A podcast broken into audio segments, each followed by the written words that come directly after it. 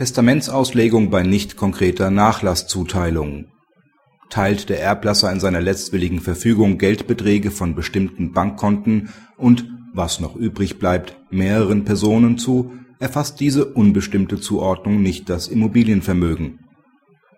Im Jahr 1969 übergaben der Erblasser und seine bereits 1987 vor verstorbene Ehefrau an zwei Übernehmer einen Hof nebst Grundstücken, behielten sich jedoch Grundstücksflächen von ca. 18.000 Quadratmetern zurück.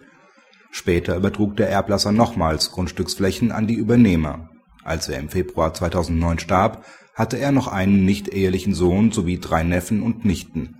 Bei seinem Tod war ein Grundstück mit ca. 1600 Quadratmetern und einem – berechnet nach ortsüblichen Baulandpreisen – Verkehrswert von rund 690.000 Euro vorhanden.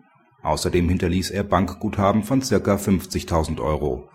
Mittels eigenhändigen Testaments aus dem Jahr 2008 verteilte der Erblasser sein Vermögen in Höhe von ca. 39.000 Euro unter Bezeichnung der Bankkonten an die Nichten, Neffen und den nichtehelichen Sohn. Ein Sparkassenbuch mit ca. 7.500 Euro Guthaben nebst Girokonto mit weiteren 6.500 Euro und was noch übrig ist, wurden den beiden Übernehmern zugeordnet. Die Empfänger des Guthabens des Sparkassenbuchs nebst Girokonto beantragten einen Erbschein, der sie als Miterben zu je ein Halb ausweisen sollte. Sie begründeten dies damit, dass sich der Halbsatz im Testament und was noch übrig ist auch auf das Grundstück als Hauptnachlassgegenstand bezog.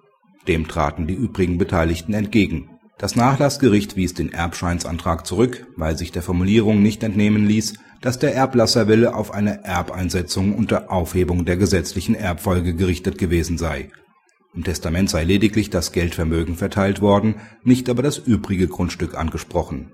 Die Antragsteller legten Beschwerde gegen den Zurückweisungsbeschluss ein, welcher das OLG nicht abhilft. Die Zuteilung der Geldvermögen stellt nach Ansicht des OLG nur einzelne Vermächtnisse dar, die allein das Geldvermögen umfassen.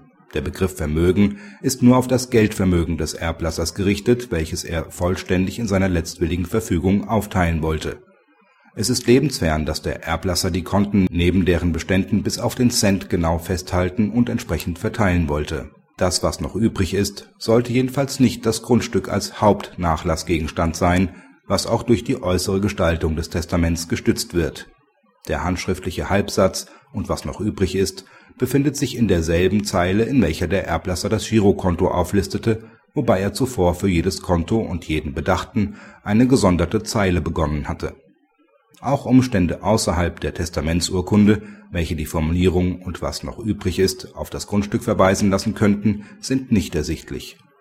Selbst die Tatsache, dass der gesamte Grundbesitz ursprünglich aus den Familienstämmen der jetzigen Antragsteller herrührte, rechtfertigt es nicht, die Nachlassimmobilie als Vermögen auch den Antragstellern zuzuordnen.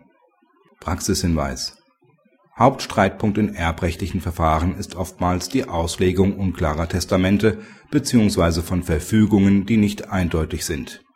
Ist wie häufig der Nachlass mit Geld, Immobilien und/oder sonstigem beweglichen Nachlass durchmischt, ist dem Gestalter letztwilliger Verfügungen dringend anzuraten, eindeutige und aussagekräftige Formulierungen niederzulegen. Auch außerhalb der Testamentsurkunde liegende Umstände können zur Auslegung der letztwilligen Verfügung herangezogen werden sofern sich eine Andeutung formgerecht im Testament befindet. Da diese Umstände mannigfaltig sein können, ist ein breites Feld für Erbstreitigkeiten bei Auslegungsproblemen gegeben, die sehr kostenintensiv aufgrund regelmäßig hoher Streitwerte sind